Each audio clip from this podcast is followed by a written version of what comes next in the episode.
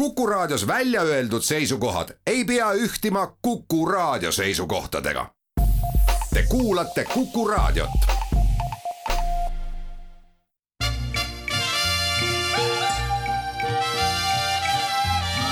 välismääraja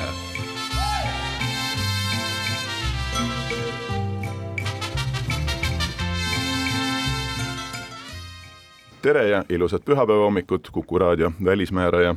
saate äh, kuulajatele.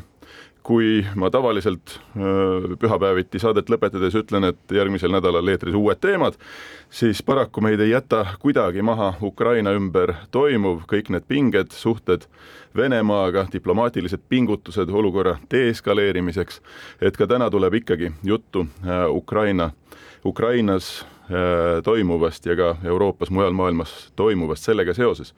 ja mul on väga hea meel, et äh, meie saatega on selle saate salvestusel saanud ühineda Eesti Vabariigi suursaadik äh, Ukrainas, Kiievist koha pealt, Kaimo Kuusk, tere Kaimo! tere, tervitused Kiievist! ja Jaanika Merilo, kes on IT-ettevõtja ja digiministri nõunik Ukrainas, tere Jaanika! Tervitused seekord Eestist. Äh, Eestist äh, Kuku raadio Tallinna stuudiost koha pealt tõepoolest ja mina saatejuht Hannes Hanso. Äh, Kaimo, kõigepealt sõna sulle, et sa oled Ukrainas praegu kohapeal ja ka kuulajale tuleb aru anda, et praegu on tege, tegu saate salvestusega. aga et, et ole hea, kirjelda ka oma hiljutiste kogemuste baasil seal riigis sees, et milline see olukord Ukrainas praegu äh, on ja kuidas seda konflikti Ukraina sees just nimelt äh, Venemaaga siis antud ajahetkel äh, nähakse? Ukraina on kaheksas aasta sõjas ja hetkel on siis võimalus, et Venemaa seda sõda eskaleerib ja erinevatest suundadest. et kui seni on see sõjategevus ju käinud Ukraina idaosas, noh, mis on seitsesada kilomeetrit Kiievi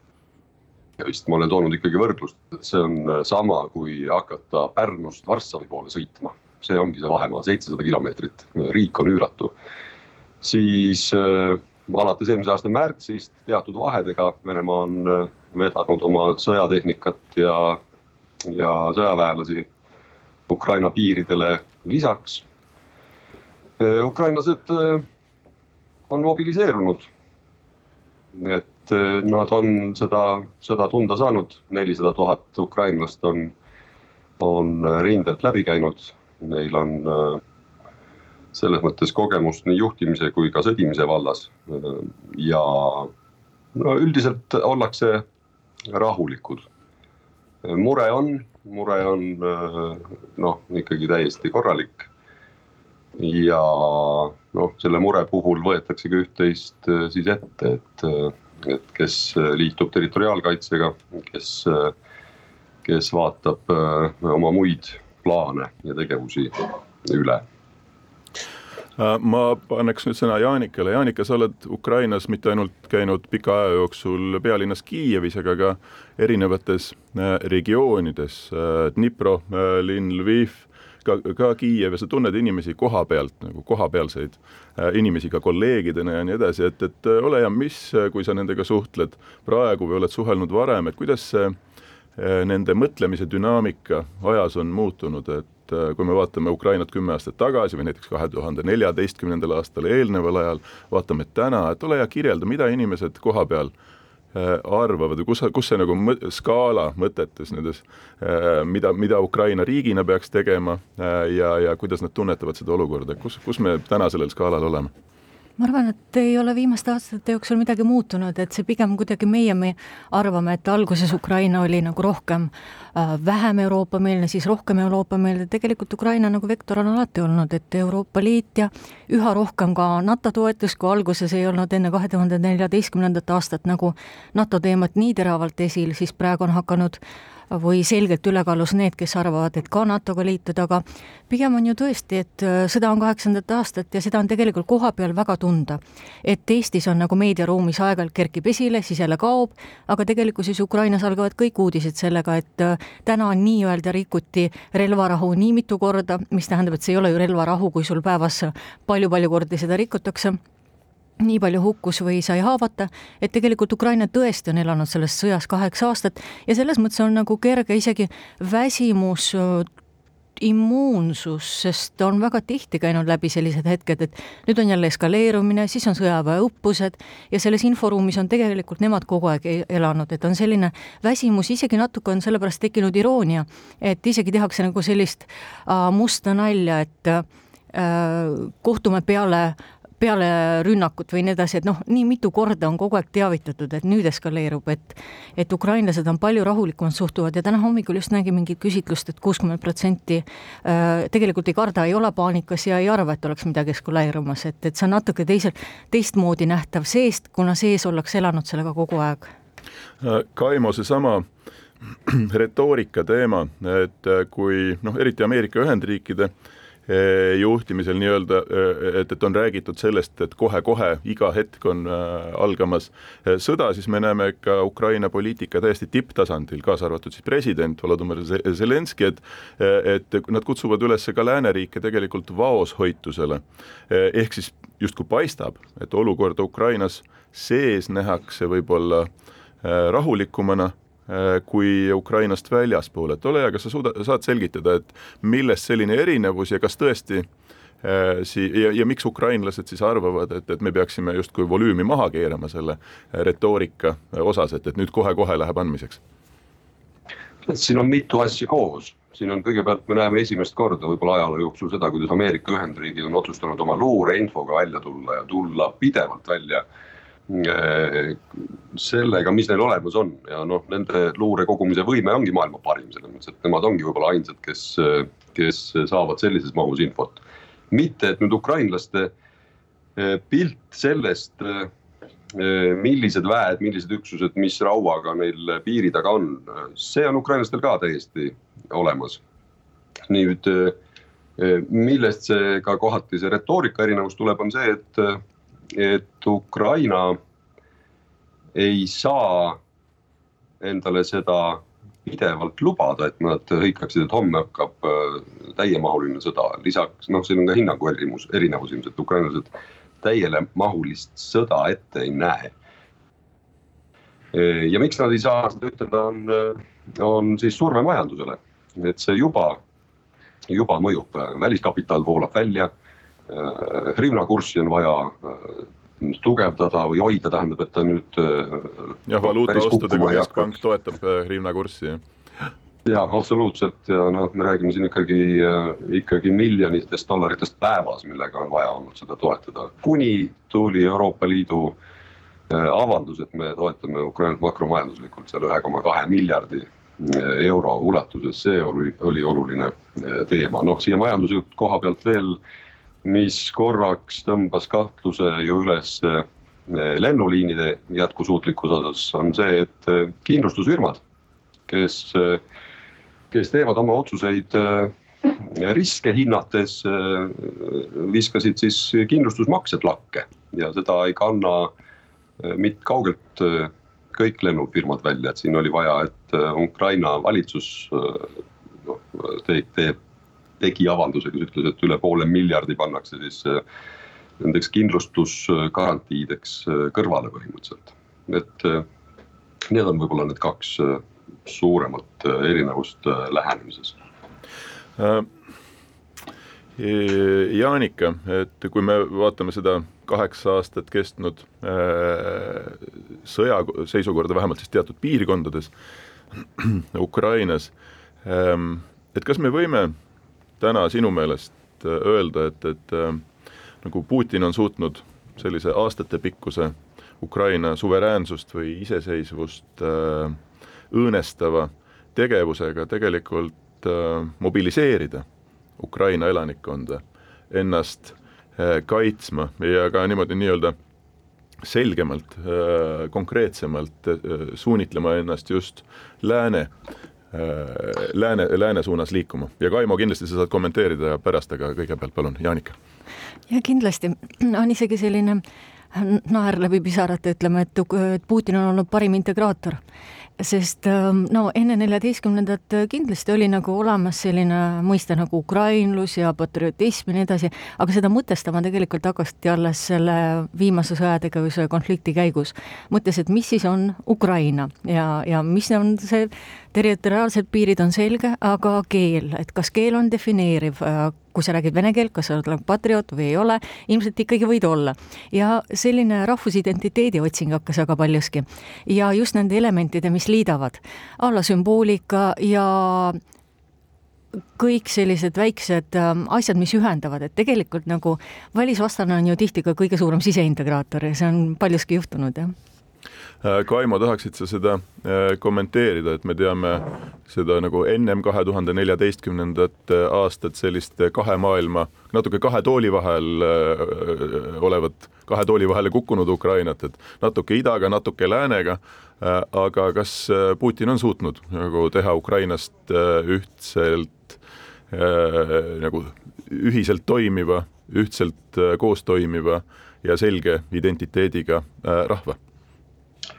Selles mõttes küll jah, olen seal rindejoonel kaitseväelastega, Ukraina omadega rääkinud, et äh, nende suhtumine. noh, mis on siis äh, laiendatav ukrainlastele üldse on ju, on ju selge, et, äh, et see, kes on sulle noa selga löönud, et ega see sul siis vennaks või sõbraks enam tagasi ei saa mitte kunagi. et selles mõttes on, on Venemaa juhtkond teinud ikkagi, on teinud kõik selleks, et, et see põlvkondadeks tegelikult ära rikkuda see noh, see võimalik eh, suhe ja no Ukraina veab ju ennast osaks läänest, et see, vot see ongi see, et mingi raputus paneb sind võib-olla sellesse või paneb rohkemaid selle peale mõtlema. ja juba siin mainitud, et see keel ei ole siin rahvuse tunnus. et ma suvel, suve lõpus käisin Dnipros ühes pulmas ja see pulmas ainukene asi, mis ukraina keeles oli, oli registreerimistunnistuse ettelugemine. kõik ülejäänud äh, suhtlus äh, vene keeles äh, ja ometigi kogu see seltskond olid suurimad Ukraina patrioodid. et see, see on asi, mis võib-olla Eestist tulnule tundub noh, teistmoodi vähemasti. ja, ja mis veel selle kaheksa aastaga juhtunud on, ukrainlaste eneseusk on teinud äh, suure hüppe. Nad äh, siin see Ukraina juhtkond hetkel äh, peab ennast tegelikult Euroopa ühe kõige parema vastupanuvõimega riigiks. ja, ja hakkad mõtlema, siis, siis see enesekindlus on nakkav, ma pean tunnistama meenub aastatetagune Samuel Huntingtoni raamat Tsivilisatsioonide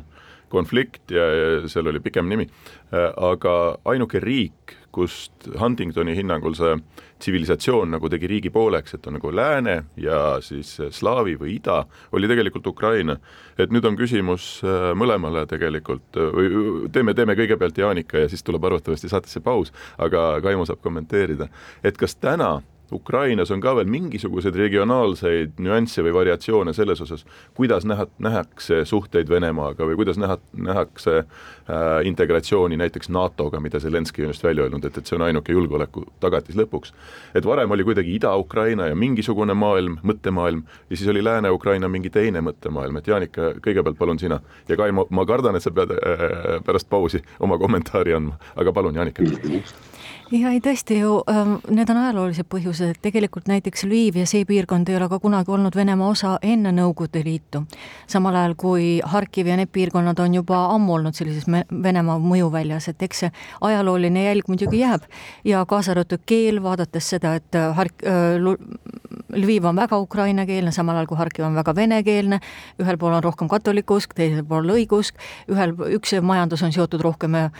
Euroopa piirkondadega, Poola ja nii edasi, teine majandus on seotud ikkagi Harkiv väga tugevalt. Venemaaga, oli seotud üha vähem, siis muidugi on juba sinna sisse nii-öelda programmeeritud sellised erinevused. aga praegu vaadates kõiki küsitlusi, mis puudutavad Euroopa Liitu, NATO-t äh,, selgelt on vähenemas see osakaal isegi Harkivis ja selles piirkonnas, kes ütleb, et äh, tahaks ikkagi Venemaad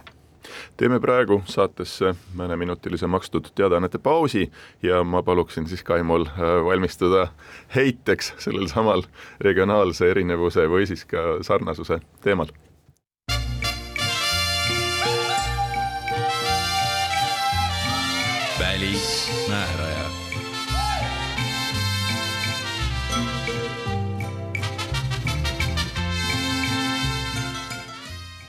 Tere tulemast tagasi Välismääraja saatesse, kus räägime täna taas kord Ukraina teemadel. Kaimo, ma paluksin ka sul eh, seal Kiievis kohapealt kommenteerida seda, et, et kas Ukraina on täna eh, ikkagi veel teatud regionaalsete nüanssidega eh, suhtumises praegusesse konflikti, suhetesse Venemaaga või on Ukraina muutunud ajas üha ühtsemaks, vaatamata keelelistele, kultuurilistele, religioossetele ja kõigile muudele äh, iseärasustele, mis selles riigis täna ka ikkagi eksisteerivad? Ukraina ja ma jätkuvalt äh, imestan, et ma edasi imestan siin olles, et äh, liikudes Ukrainas ringi äh,, see riik on väga huvitav ja väga huvitav segu erinevatest kultuuridest, et mina nii selget sirget joont küll tõmmata ei suuda, noh neid katoliku kirikuid ulatub Poltavani ja kaugemale tegelikult Ida-Ukrainas. Zaporõžje kasakluse keskus ja see on teistmoodi, see on Ukraina kasakad selles mõttes, kes ei ole tsaari kunagi tunnistanud näiteks, et, et noh, pidada neid kas ida- või läänemeelseteks, puhta läänemeelsed, ma ütleks. Hersoonis on Hiiumaalt välja rännanud rootslaste küla et ja noh, Herson on vastu Krimmi selles mõttes, et äh, on ta nüüd siis lääs või on ta siis nüüd ida. Äh, lähed Uškorodi, seesama tõesti, et kahekümnendate, kolmekümnendate paiku Lääne-Ukrainas piirkonnad, mis olid kas Tšehhi all, Poola all. Äh, või noh, nad kuulusid, olidki selle riigi koosseisus, et, et ja sa näed seal, no see on puhas noh, sihuke kultuuride segu, et seda on väga põnev vaadata. mis on see murekoht näiteks Luhanski oblastis, just äh, üleeile rääkisin Luhanski kuberneriga, on piirkondi, kuhu Ukraina televisiooni levi ei ulatu, aga laiutab Vene televisioon. ja vot seal on seesama moment, et kui sa oled ka venekeelne, siis äh, sul mugavusest äh, vaatad sa pigem neid kanaleid, ei lähe internetti otsima ukrainakeelset või siis venekeelset, aga ukrainameelset informatsiooni. ja sealt võib tulla seda seda, ma ei ütleks isegi mitte venemeelsust, vaid seda segadust peas võib, võib sisse tulla, kus, kus sa ei taha nagu poolt valida või see, see eituse faas ega see tavainimesel sõjatsoonis elada. kui sa seal kordagi käinud ei ole, siis sa ei saagi aru sellest tegelikult. ma küsiks Kaimo veel, et kui siin suvel Vene riigipea Putin äh, kirjutas või üllitas äh, artikli teemal, et, et äh, ukrainlased justkui polegi tegelikult ikkagi mingi rahvas ja nad on üldsegi kogu aeg olnud Venemaa osa ja nii peabki olema. et kuidas sellisesse, sellistesse avaldustesse või väidetesse, no eriti pannes selle praegusesse konteksti, kus Venemaa justkui ei tunnista ikkagi, et Ukraina on sada protsenti riik ja omab suveräänset õigust ise oma tulevikku, kõikide alliansside ja kõige muu osas otsuseid eh, teha, et kuidas seda seal kohapeal nähakse ja Jaanikalt ma tahaks sama kommentaari, et kas midagi nagu venekeelset, noh, või, vabandust, mitte vene, venekeelset, vaid sellist venemeelset poliitilist jõudu äh, täna veel üldse eksisteerib Ukrainas, kes nagu avalikult sellega välja ütleb? ma alustan selle Putini essee koha pealt, et see sai siin ikka üsna üheselt äh, välja naerdud, hukka mõistetud. Äh, ja, ja no mis käib, on ju tegelikult võistlus ajaloo pärast natukene ka, et äh, Kiiev ukrainlased äh, peavad ennast ju äh, esimeseks, ma olen seda näidet toonud sellest jätkuvalt populaarsest ringlevast meemist siin Ukrainas, et. et siis, kui Kiievis püstitati kirikuid, siis Moskva koha peal laius alles soo ja kasemets, et, et millest me räägime. et Ukraina rahatähtedel, hrivna kupüüridel on äh, on äh, need äh, Kiievi russi äh, vürstid uhkusega välja peale trükitud siis selles mõttes. kas siin on venemeelsed parteid, võib-olla venemeelseid poliitikuid üksikuid, aga, aga isegi selline vastuoluline partei nagu opositsiooniplokk või OPŽŽ, et koha peal kuskil regioonides paluvad nad neid endid küll mitte kindlasti Kremli-meelseteks nimetada. Jaanika, sa oled ka oma elus ja tegevuses Ukrainas palju poliitikutega kokku puutunud, seesama küsimus. Ähm, nii-öelda äh, et kes on läänemeelne, kes on venemeelne, kas täna võib veel öelda, et on nagu nii-öelda Moskva-meelsed, kes nagu hea meelega näeksid, et, et SRÜ ja ma ei tea, siis kollektiivne julgeolekulepingu organisatsioon ja et, et kuuluks nii-öelda rahulikult Vene lähisvälismaa mingisugune pool semi iseseisva riigina võib-olla siis kuidagi Venemaa mõjusfääri, kas selliseid poliitikuid täna veel on no.? või, või isikuid või parteisid? Ma astuks natuke isegi sammu kõrvale. no palun. Et me, mida me ei ole maininud, on tegelikult väga tähtis, et praegu käib hübriidsõda. Ja hübriidsõda tähendab seda, et on ka infosõda, rääkimata kübersõjast ja okupeeritud territooriumitest, aga infosõda teatud komponendid on ju retoorika, mis tähendavad erinevad sümbolid,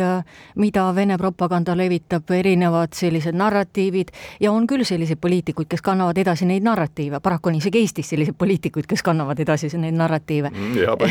paraku et paraku oleme ka meie selles infosõjas, et tegelikult ei saa öelda, et keegi ütleks, et äh, Venemaa päästa meid, ei seda loomulikult enam mitte ja ei saa lubada, isegi kui nad kuskil sügaval äh, südames mõtleksid, enamus ei saa lubada. aga, aga on, on tõesti selliseid poliitikuid, kes kannavad neid narratiive ja tegelikult ma ju, mul just ilmus raamat Minu Ukraina, kus ma väga palju seletan lahti seda tausta ja konteksti ja, ja ajaloolist konteksti ja just neid väikeseid nüansse nagu, et et muidugi on ka piir, piirkondlikud erinevused teatud sellised, äh, mis sümboleid kasutatakse ja milliseid nostalgiaelemente seal, vorst kaks kakskümmend ja nii edasi, et need on ikka osade poliitikute retoorias selline väike nostalgia ähm, kui me räägime, jah, mul raamat on nüüd minu Ukraina laua peal, aitäh Jaanikele selle, selle raamatu äh, eest. Ähm, Kaimo, liiguks teemadega äh, selles mõttes äh, edasi, et ähm, Ukraina noh, me saame aru, et, et äh, riigi suutlikkus ennast kaitsta on äh, ajas kasvanud, riik on muutunud äh, ühtsemaks, nähakse siis selliseid halle varjundeid suhetes Venemaaga on jäänud vähemaks, aga kuidas noh, ilmselgelt Ukraina vaatab lääne poole nii oma tuleviku mõttes, aga ka selles mõttes, et praeguses kriisis Ukraina kindlasti soovib maksimaalselt ka lääne tuge ja mõnevõrra kindlasti on ka seda saanud. et ole hea, seleta sealt kohapealne tunnetus praegu laht-, lahti ka oma suhtlus, suhtluse ja, ja kontaktide baasil, et kas lääne tuge antud ajahetkel tunnetakse, tunnetatakse, et see on piisavalt, kui mitte, siis mis oleks veel puudu, mida peaks tegema, mida ukrainlased või siis ka ametnikud ja, ja tipp-poliitikud sellest praegusest staatus quo'st arvavad? siin on kolm momenti selle toe andmise puhul tegelikult, mida oodatakse ja mida saab teha, kõigepealt on see poliitiline tugi ja see poliitiline tugi kõige ilmsem silmaga nähtavam asi on see, et, et kas sa püsid oma diplomaatilise esindusega Kiievis. et kas sa oled koos nendega. et ei, et ei jäta, ei jäta neid üksi, noh, see on seesama Eesti diplomaatia põhimõte, Eesti riigi põhimõte, et me teeme kõik selleks, et me enam ise üksi ei jääks. ja noh, ma lisan sinna juurde, et me peame ka kõik tegema selleks, et üks demokraatlik riik, kes võitleb autoritaarsusega, ei jääks üksi. et seda äh, tuge, seda, kui lipp on siin äh,, seda nad hindavad väga kõrgelt äh,, ikka, ikka tõsiselt äh, hindavad. ja selles mõttes siis... ma pean kindlasti ütlema, et Eesti seisab siin nagu selle lipuga veel kõige kõrgemal vist me oleme tagasihoidlikud selles mõttes, et me oleme, me oleme kohal Kiievis. just. praktiline tugi on teine, see käegakatsutav asi, et, et mulle meeldib see Eesti kaitseväelaste, Heremi vist ütlus oli see, et sõnadega sügav mure, sa vastase tanki, mis sinu poole liigub, pidama ei saa. et sa pead andma midagi praktilist, millega ukrainlastel on on äh, lahinguväljal äh, juhul, kui sõda nüüd eskaleerub, äh, midagi ette võtta. ja siin on samamoodi Eesti üks esimesi, kes, kes lubas sõjalist abi, sealhulgas siis surmava relvastuse näol. lähipäevadel me toome need Javelinid, mis Eesti lubas siia Kiievisse kohale. ja kolmas on majanduslik tugi, seesama murest tingitud majanduslik surutis, selles osas on Ukrainal vaja kindlasti abi ja no siin, siin tulevad jälle teised Euroopa Liidu liikmesriigid või ka NATO liikmesriigid, kes surmavat abi anda ei taha, aga nad saavad anda jälle majanduslikku abi, et see läheb äh, ukrainlastele korda ja nad saavad sellest väga hästi ka aru ka, et, et kõik, kes toetavad ja millega nad toetada saavad, see võetakse tänuga vastu Jaanika, sama küsimus põhimõtteliselt, lääne toetus praeguses seisus, et kuidas sina seda kommenteeriksid? ma mäletan kaks tuhat neliteist aastal, kui kõik algas, siis käis ähm, Marko Mihkelson Eesti delegatsioon Ukrainas äh, Kiievis kohapeal Maidanil ja olukorda vaatamas ja ma mäletan, jäi kõlama, kõlama selline lause, et kõige hullem, mis võib juhtuda, on külmutatud konflikt. noh, sisuliselt see ei ole muidugi külmutatud, aga konflikt on jäänud väga pikaks ajaks kestma. ja ma arvan, et üks osa sellest praegusest hübriidsõjast on ka see, et ka Ameerika omalt poolt on sundinud äh, liitlasi välja ütlema selgeid seisukohti ja hakanud ava- äh,, hakkama toetama konkreetsemalt kui selle sügava murega, mis on olnud kaheksa aastat. et tegelikult ma arvan, et need on teadlikud sammud selle poole, et tõugata seisukohti avaldama rohkem kui muret, vaid selgelt me oleme Ukrainaga ja me teeme Ukraina heaks seda, seda ja seda, et olukorda siiski nagu lahendada. et, et absoluutselt nõus ja mina ei oleks nii tagasihoidlik, ma arvan, et Eesti on väga palju teinud, nii palju, kui on Eesti nagu suutnud tegelikult teha. nii poliitiliste avaldustega kui ka äh, tänan läbi suursaatkonna tegevuse väga paljude abiprogrammide programmid, et Eestil on erinevad humanitaarabi, arenguabiprogrammid, Eesti rahvas on väga paljuski toetanud läbi Vaba Ukraina mm, ja erinevate MTÜ-de tegevuse, et tegelikult ma arvan, et me oleme kogu aeg näidanud seda, et me oleme Ukrainaga, tõesti, täiesti nõus, relvastus, majandus, poliitiline tugi, olemasolemine, tõesti. Äh, Kaimo, kui ikka räägitakse jälle äh, Minski lepetest kui äh, võimalikust äh, lahendusest äh, praegusele olukorrale, et anname ikka diplomaatiale võimaluse, istume maha, räägime jälle, siis viimaste sündmuste või uudiste valguses Moskvast, kus on esitatud siis ettepanekud selleks, et Venemaa tunnustaks Donbassi ja ähm, Donetski, vabandust, ja, ja, ja Luhanski, neid nii-öelda vabariike nagu kunagi äh, Abhaasiat, Lõuna-Osseetiat äh, Venemaa diplomaatiliselt tunnustas. et ütle, kas diplomaatiale selles, kui, kui Venemaa nende sammudega edasi liigub ja me praegu saadet tehes seda ei tea, kas see lähe-, juhtub nii või mitte, et mis nendest Minski lepetest isegi teoreetiliselt sellisel juhul üldse äh, saab? No sellisel juhul need Minski lepped on läbi Venemaa poolt, et et tulevad lisasanktsioonid, need, mis olemas on, kuna need on Minski lepetega seotud, siis need jäävad igaveseks. me oleme seda näinud jah, sa tõid õiged näited, need Abhaasia, Lõuna-Osseetia, Transnistria, on sihuke hetkel on see survevahend vaadata, kas kas siis agressiooni ohverriigi valitsus hakkab järeleandmistele või ei hakka, et noh, ähvardada sellesamaga, et kaotate need alad igaveseks ajaks äh, igavesti, noh äh, Nõukogude Liidu puhul nägime, et see igavesti kestis iseenesest viiskümmend aastat. praegu ongi täpselt õige hetk, et teeme saatesse mõneminutilise makstud teadaannete pausi.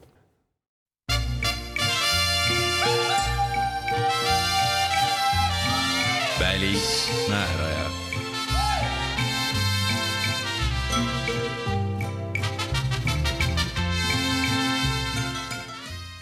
tere tulemast tagasi Välismääraja saatesse, tänases saates lahkame taas kord Ukrainaga seonduvaid teemasid.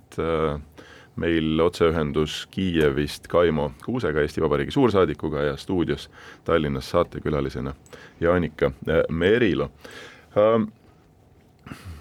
Küsiksin, Jaanika, sinu käest, et president, Ukraina president Zelenskõi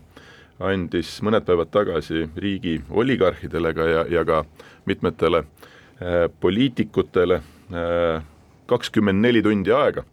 et äh, kodumaale äh, naasta äh,. ole hea, kuidas sa kommenteerid äh, sellist käiku presidendi äh, poolt, et kas on jätkuvalt näha mingisuguse elitaarse elanikkonna grupi soovi riigist lahkuda ja kuidas sellisele korraldusele, kui nii võib öelda, Ukrainas on siis reageeritud? no esiteks paljud kuulsid ja kuulatusid aga tuleb ah,. kas see on tõsi, jah okay.? see on tõsi, jah. aga tuleb vaadata natuke nagu tagasi seda ajalugu, et tegelikult Zelenskõi on alustanud oligarhidega nii-öelda võitlust juba oma ametisse tulekust peale. ehk siis üks tema selliseid äh, Äh, tugisambaid on olnud deoligarhiseerimine, ehk siis see, et oligarhidel peab olema vähem mõju majandusele, läbi äh, vähema mõju meediale, läbi vähema mõju raadale ja poliitilistele otsustele ja tegelikult see on üks tema nagu selliseid kandvaid valitsuse nagu sõnumeid, et deoligarhiseerimine, et selles mõttes on tal see kindlasti südamel. aga see on ka tõsi ja see oli isegi näha Flight radariga kummalisel kombel, kuidas sellised eralennukid lahkusid Ukrainast just nagu nendel päevadel, kui oli eskaleerumist ennustada. aga eile ju või üleeile käisid juba president ja niinimetatud pealigarh Renat Ahmetov Mariupolit külastamas, Ahmetov tegi järgmised väga suuresummalised lubadused toetada Mariupoli ülesehitamist, kuna see on temaga, DTEK-i ja tema ettevõtete selline äh, kas just mõjusfääris, aga väga palju Mm, mõjutatav linn ja, ja nii mitmedki tõesti tulid, tulid tagasi, aga see oli pigem nagu ka natuke selline poliitiline sõnum. mitte, et see oleks majandusele olulist mõju avaldanud, kus nad need päevad olid. Äh, Kaimo, sama küsimus, et kui me Ukrainat ja Ukraina sellist sisepoliitikat äh, lahkame, see oligarhide roll või ka nii-öelda, nagu Jaanika ütles, deoligarhiseerimine, ma loodan, ma hääldasin nüüd õigesti välja, äh, et äh, inimesed, kelle käes on väga võimsad majanduslikud hoovad Ukrainas ja ma arvan, see presidendi avaldus ka selles mõttes, et näidake nüüd, nüüd on aeg näidata oma pühendumust sellele riigile. et ole hea, kirjelda ka oma vaatest seda oligarhide äh, rolli ja ka äh, pühendumust, sest me teame, et, et väga mitmed inimesed või noh, need nii-öelda tippoligarhid, et nad omavad ju ka arvestatavaid majandushuve äh, mitte ainult Ukrainas, teistes riikides, muuhulgas ka näiteks Venemaal. Ja kuidas nemad praegu selles väga keerulises pingelises olukorras siis ühe korraga kaitsevad või siis mitte oma riiki, samas üritades säilitada mingisugused pragmaatilised suhted teispool piiri jah, kõigepealt selle Mariupoli juurde tagasi, olin ise ka üleeile seal. võtsid mult järgmise ja, küsimuse ära. ja, ja me olime koos Zelenskiga seal, et, et Zelenski ei olnud koos Ahmetoviga, nad sattusid samal päeval lihtsalt Mariupolisse, tõesti Ahmetovil on seal ettevõtteid, mida siis äh, tuli ta noh näitamagi, et ta tuleb nüüd äh, ja külastab meid ka siis, kui on pingeline, et äh, no võib-olla väike võistlusmoment tekkis jah, et ei saa presidendist maha jääda, et president on, on järsku kohal et teie oligarhiseerimise mõte tegelikult on ju see, et, et katsuda ära lõpetada need varjatud äh, omandussuhted või varjatud mingid mõjuhoovad. Need varjatud äh, telekanalite omamised, noh, et, et kõik, äh, kõik ju teavad, kuigi mulle endale ei meeldi üldse see väljend, kõik ju teavad, noh kuskilt peab see teadmine alguse saama aga, aga teatakse, kellele telekanal tegelikult kuulub. aga oligarhid noh, käivad ringi sirge näoga ja teevad, teevad siis või tahavad jätta muljet, et see justkui ei ole nende oma, noh, sealhulgas kuni endise presidendi Petro Porošenkoni kellel tuli meelde, et tal kaks telekanalit ikkagi on pärast seda, kui see deoligarhiseerimine seadus vastu võeti ja, ja siis ta oma need kaks telekanalit äh, Äh, pidi maha müüma just äh, või noh, tegi žesti justkui müüb maha, müüs enda partei liikmetele need kaks telekanalit. Äh, teine asi on mõju poliitikas. Läänes ettevõtja toetab poliitilisi parteisid avalikult, miks mitte, täiesti, täiesti noh, mõistlik legaalne tegevus. aga, aga siin see mõju raadas poliitiliste parteide puhul ei ole alati eh, nähtav olnud, et selle deoligarhiseerimise eesmärk ongi see asi teha nähtavaks, et see ei ole sundida eh, kedagi mingeid oma telekanaleid müüma või, või meediaettevõtteid müüma või, või kinkima pool raha ära, et see ei ole selle asja mõte, mõte on eh, teha ühiskond natukene rohkem jälle läbipaistvamaks, muutuda rohkem läänelikumaks. juba ütlesin, nad ise peavad ennast osaks äh, läänest. ja ega see majandussidemete või majandus kontaktide muutumine sõja tõttu ega ta lihtne ei olegi, et, et see ei puuduta ainult oligarhe, see puudutab kuni tavainimeseni välja, et. et kuni kahe tuhande neljateistkümnendani väga paljud ukrainlased käisid eh, tööl Venemaal.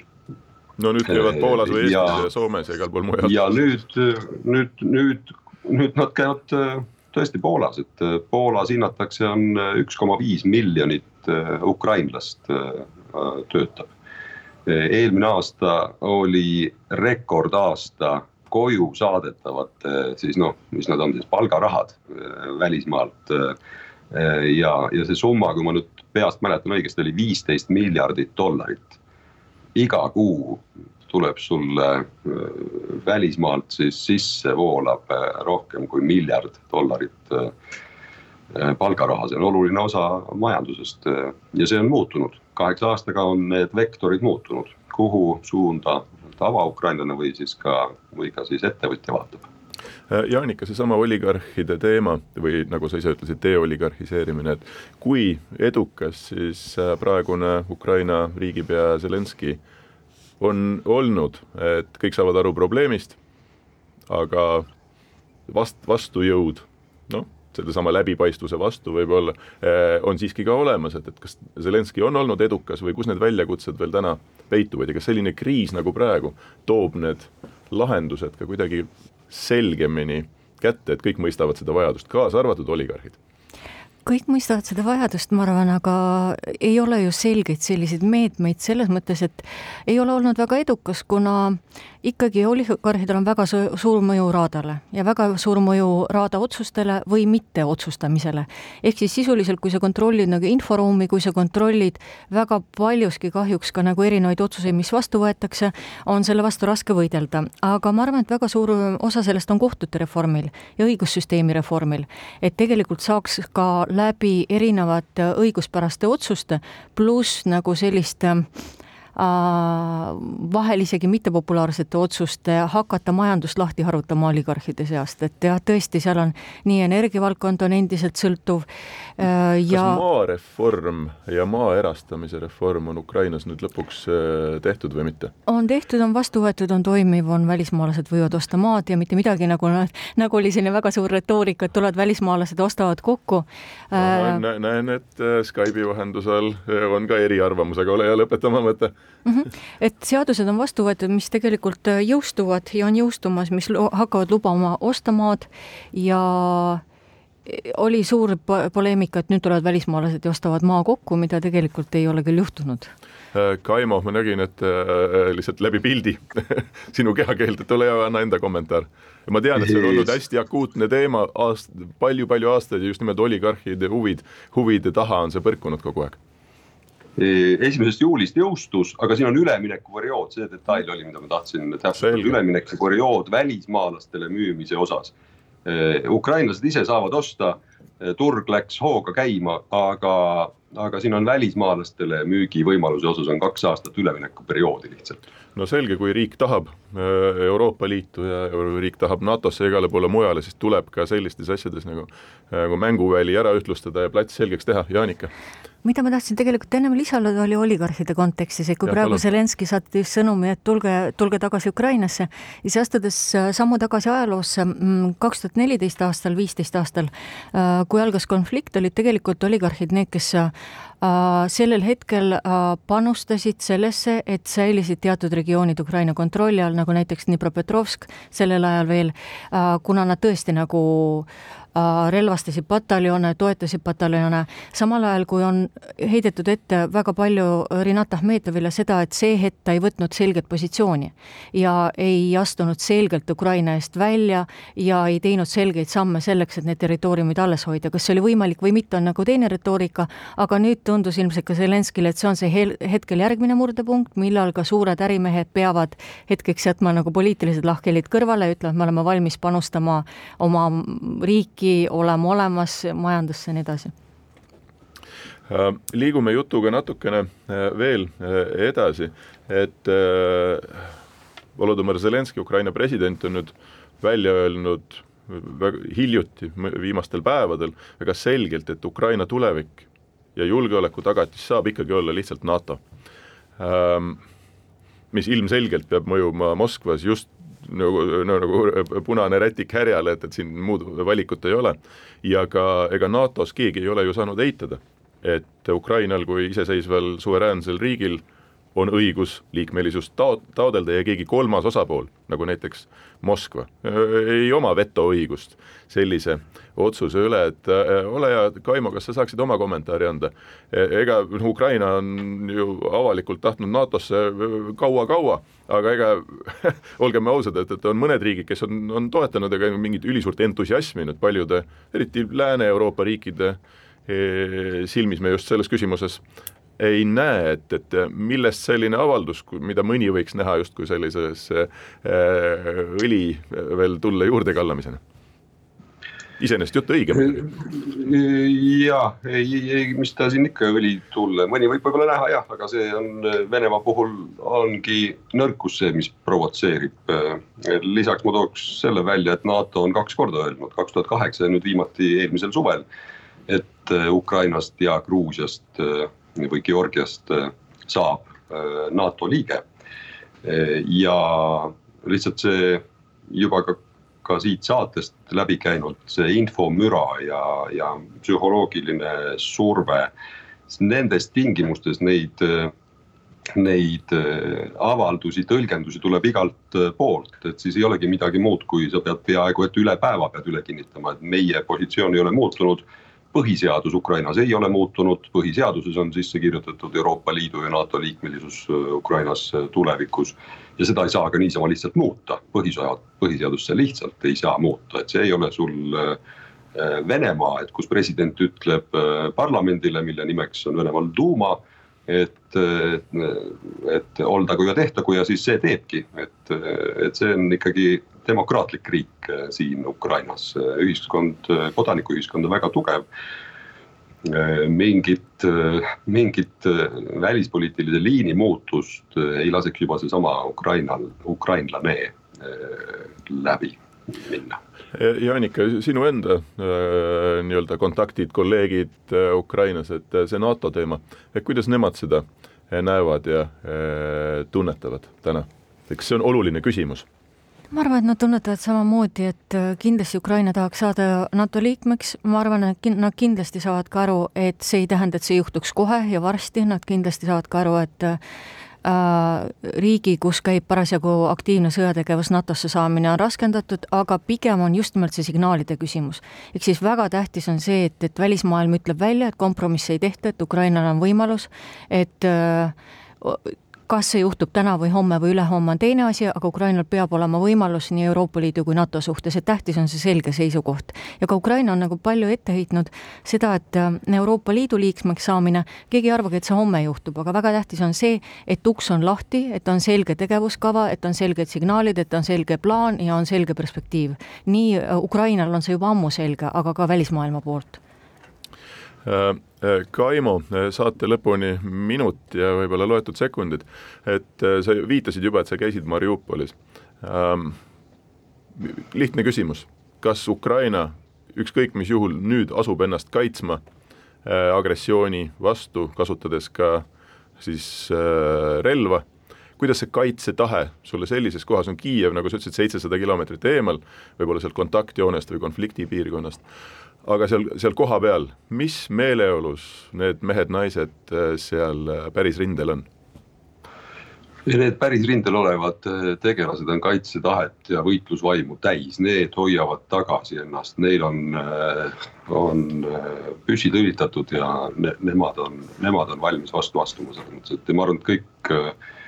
suurem osa Ukrainast samamoodi, siin on küsitlusi tehtud, noh, küsitlus võib olla üks asi, reaalsus teine asi, aga kui sul küsitluses ütleb et, et nelikümmend neli protsenti on nõus minema relv käes eh, Venemaale vastu siin. siin eh, noh, linnapildis eh, täiesti ootamatutest kohtadest võid seda kuulda, et nad on valmis seda tegema, no olgu, noh, ütleme, et see nelikümmend neli protsenti. noh, see on see on peaaegu pool Ukraina rahvast on ju, et nelikümmend miljonit, see pool, noh. kui, kui võtta sealt eh, maha ka sihukest retoorilist eh, vaimu, et ja et, et see, et see noh, see tegelik arv on väiksem, siis no me räägime siin ikkagi mingist miljonist kahest, noh, paneme selle Eesti konteksti ja meil on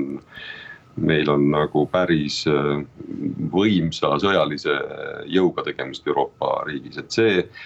mis jääb paljuski pildist äh, puudu, äh, siin Ukrainas sees sa seda näed rohkem, et nad äh, näitavad oma seda kaitseväge, õppused, värgid.